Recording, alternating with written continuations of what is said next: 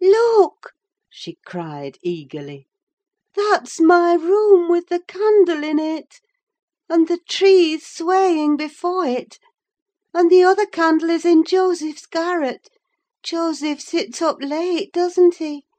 He's waiting till I come home, that he may lock the gate. Well, he'll wait a while yet.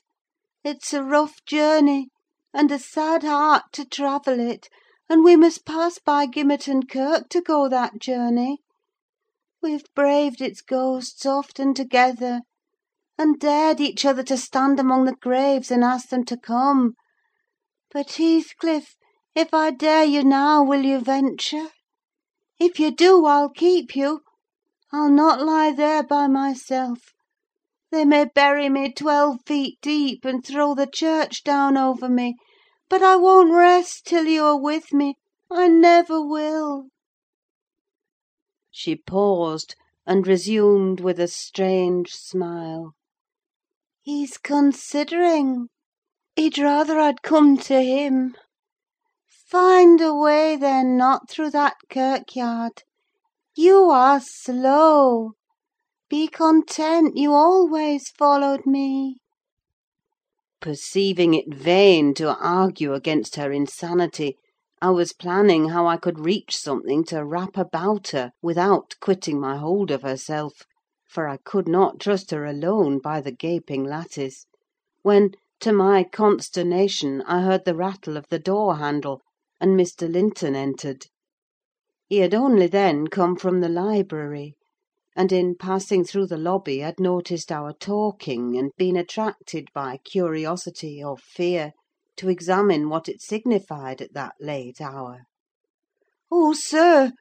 I cried, checking the exclamation risen to his lips at the sight which met him, and the bleak atmosphere of the chamber. "My poor mistress is ill, and she quite masters me. I cannot manage her at all. Pray come and persuade her to go to bed. Forget your anger, for she's hard to guide any way but her own." "Catherine ill?" he said, hastening to us. "Shut the window, Ellen. Catherine! why—" He was silent. The haggardness of Mrs. Linton's appearance smote him speechless, and he could only glance from her to me in horrified astonishment. "She's been fretting here," I continued, "and eating scarcely anything, and never complaining. She would admit none of us till this evening, and so we couldn't inform you of her state, as we were not aware of it ourselves. But it is nothing." I felt I uttered my explanations awkwardly: the master frowned. "It is nothing, is it, Ellen Dean?" he said, sternly. "You shall account more clearly for keeping me ignorant of this." And he took his wife in his arms, and looked at her with anguish. At first she gave him no glance of recognition: he was invisible to her abstracted gaze. The delirium was not fixed, however: having weaned her eyes from contemplating the outer darkness, by degrees she centred her attention on him, and discovered who it was that held her. "Ah, you're come, are you, Edgar Linton?" She said, with angry animation. "You're one of those things that are ever found when least wanted, and when you are wanted, never. I suppose we shall have plenty of lamentations now: I see we shall; but they can't keep me from my narrow home out yonder: my resting place, where I'm bound before spring is over. There it is! Not among the Lintons, mind, under the chapel roof; but in the open air, with a headstone; and you may please yourself whether you go to them or come to me." "Catherine, what have you done?" commenced the master. "Am I nothing to you any more? Do you love that wretch Heath—" "Hush!" cried Mrs. Linton. "Hush this moment! You mention that name, and I end the matter instantly by a spring from the window. What you touch at present you may have; but my soul will be on that hill top before you lay hands on me again. I don't want you, Edgar: I am past wanting you. Return to your books. I'm glad you possess a consolation, for all you had in me is gone." "Her mind wanders, sir," I interposed. "She has been talking nonsense the whole evening; but let her have quiet and proper attendance, and she'll rally. Hereafter we must be cautious how we vex her." "I desire no further advice from you," answered Mr. Linton. "You knew your mistress's nature, and you encouraged me to harass her. And not to give me one hint of how she has been these three days! It was heartless. Months of sickness could not cause such a change." I began to defend myself, thinking it too bad to be blamed for another's wicked waywardness. "I knew Mrs. Linton's nature to be headstrong and domineering," cried I; "but I didn't know that you wished to foster her fierce temper. I didn't know that to humour her I should wink at Mr. Heathcliff. I performed the duty of a faithful servant in telling you, and I've got a faithful servant's wages. Well, it will teach me to be careful next time. Next time you may gather intelligence for yourself." "The next time you bring a tale to me, you shall quit my service, Ellen Dean," he replied. "You'd rather hear nothing about it, I suppose, then, Mr. Linton?" said I.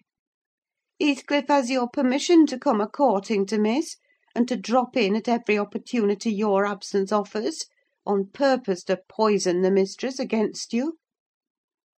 Confused as Catherine was, her wits were alert at applying our conversation. "Ah! Nelly has played traitor!" She exclaimed passionately. "Nelly is my hidden enemy! You witch! So you do seek elf bolts to hurt us? Let me go, and I'll make her rue. I'll make her howl a recantation." A maniac's fury kindled under her brows. She struggled desperately to disengage herself from Linton's arms. I felt no inclination to tarry the event, and resolving to seek medical aid on my own responsibility, I quitted the chamber. In passing the garden to reach the road, at a place where a bridle hook is driven into the wall, I saw something white moved irregularly, evidently by another agent than the wind. Notwithstanding my hurry, I stayed to examine it, lest ever after I should have the conviction impressed on my imagination that it was a creature of the other world. My surprise and perplexity were great on discovering, by touch more than vision, Miss Isabella's springer, Fanny, suspended by a handkerchief, and nearly at its last gasp. I quickly released the animal and lifted it into the garden. I had seen it follow its mistress upstairs when she went to bed, and wondered much how it could have got out there, and what mischievous person had treated it so. While untying the knot round the hook, it seemed to me that I repeatedly caught the beat of horses' feet galloping at some distance. But there were such a number of things to occupy my reflections that I hardly gave the circumstance a thought, though it was a strange sound in that place at two o'clock in the morning. Mr. Kenneth was fortunately just issuing from his house to see a patient in the village, as I came up the street; and my account of Catherine Linton's malady induced him to accompany me back immediately. He was a plain, rough man, and he made no scruple to speak his doubts of her surviving this second attack, unless she were more submissive to his directions than she had shown herself before. "Nelly Dean," said he, "I can't help fancying there's an extra cause for this. What has there been to do at the Grange? We've odd reports up here. A stout-hearty lass like Catherine does not fall ill for a trifle; and that sort of people should not, either. It's hard work bringing them through fevers and such things. How did it begin?" "The master will inform you," I answered. "But you were acquainted with the Earnshaws' violent dispositions, and Mrs. Linton caps them all. I may say this: it commenced in a quarrel. She was struck during a tempest of passion with a kind of fit. That's her account, at least; for she flew off in the height of it, and locked herself up.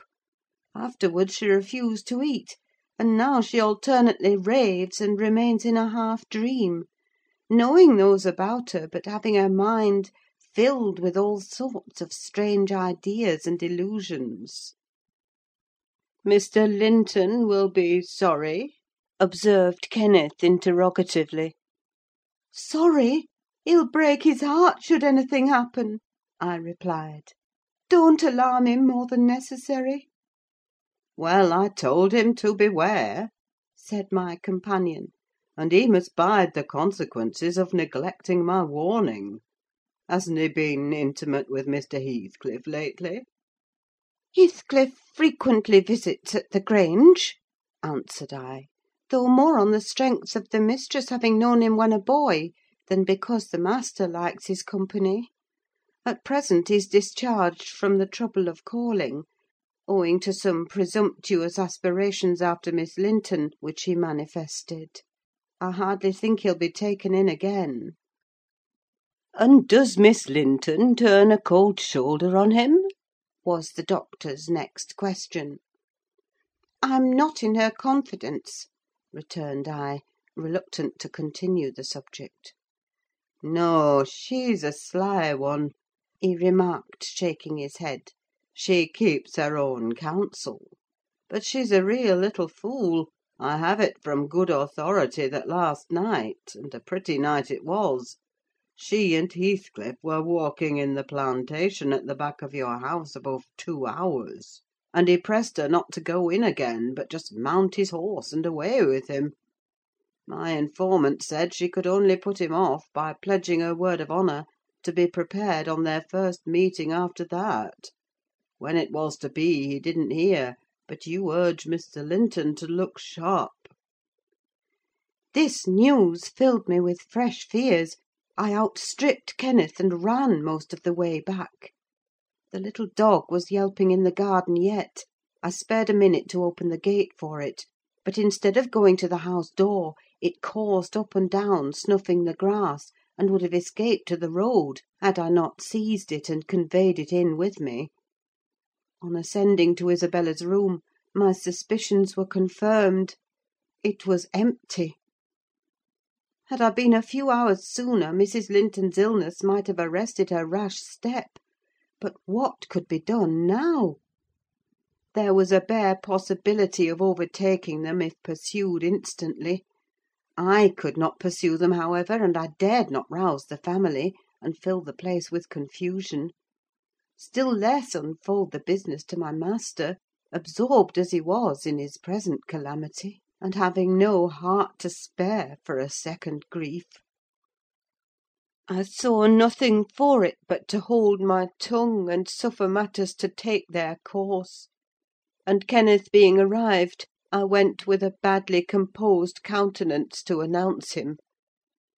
Catherine lay in a troubled sleep: her husband had succeeded in soothing the excess of frenzy; he now hung over her pillow, watching every shade and every change of her painfully expressive features.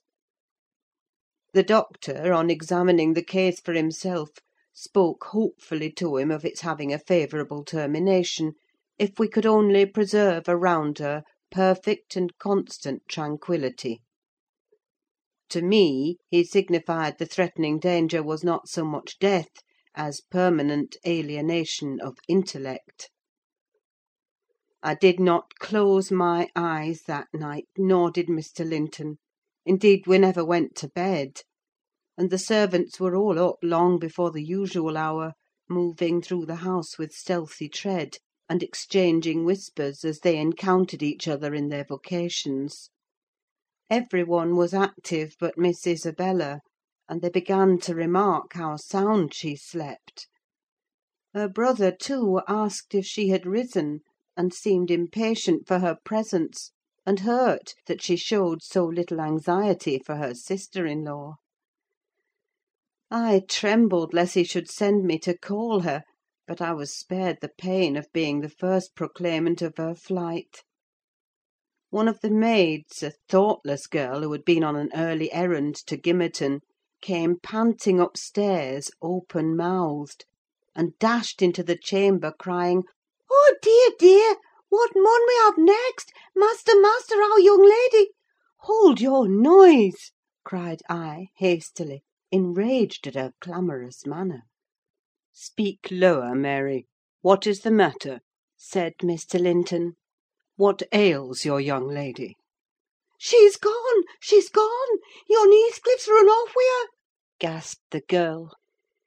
"That is not true!" exclaimed Linton, rising in agitation. "It cannot be! How has the idea entered your head? Ellen Dean, go and seek her. It is incredible! It cannot be!" As he spoke, he took the servant to the door, and then repeated his demand to know her reasons for such an assertion. Oh, "Why, I met on the road a lad that fetches milk here," she stammered, "and he asked whether we weren't in trouble at the Grange. I thought he meant for Missy's sickness, so I answered yes. Then says he, 'There's somebody gone after 'em, I guess.' I stared. He saw I knew nought about it, and he told how a gentleman and lady had stopped to have a horse's shoe fastened at a blacksmith shop, two miles out of Gimmerton, not very long after midnight; and how the blacksmith's lass had got up to spy who they were: she knew them both directly; and she noticed the man—Heathcliff it was, she felt certain; nobody could mistake him, besides—put a sovereign in her father's hand for payment. The lady had a cloak about her face, but having desired a sup of water, while she drank it fell back, and she saw her very plain. Heathcliff held both bridles as they rode on, and they set their faces from the village, and went as fast as the rough roads would let them. The lass said nothing to her father, but she told it all over Gimmerton this morning." I ran and peeped, for form's sake, into Isabella's room, confirming, when I returned, the servant's statement. Mr. Linton had resumed his seat by the bed. On my re entrance he raised his eyes, read the meaning of my blank aspect, and dropped them without giving an order, or uttering a word. "Are we to try any measures for overtaking and bringing her back?" I inquired.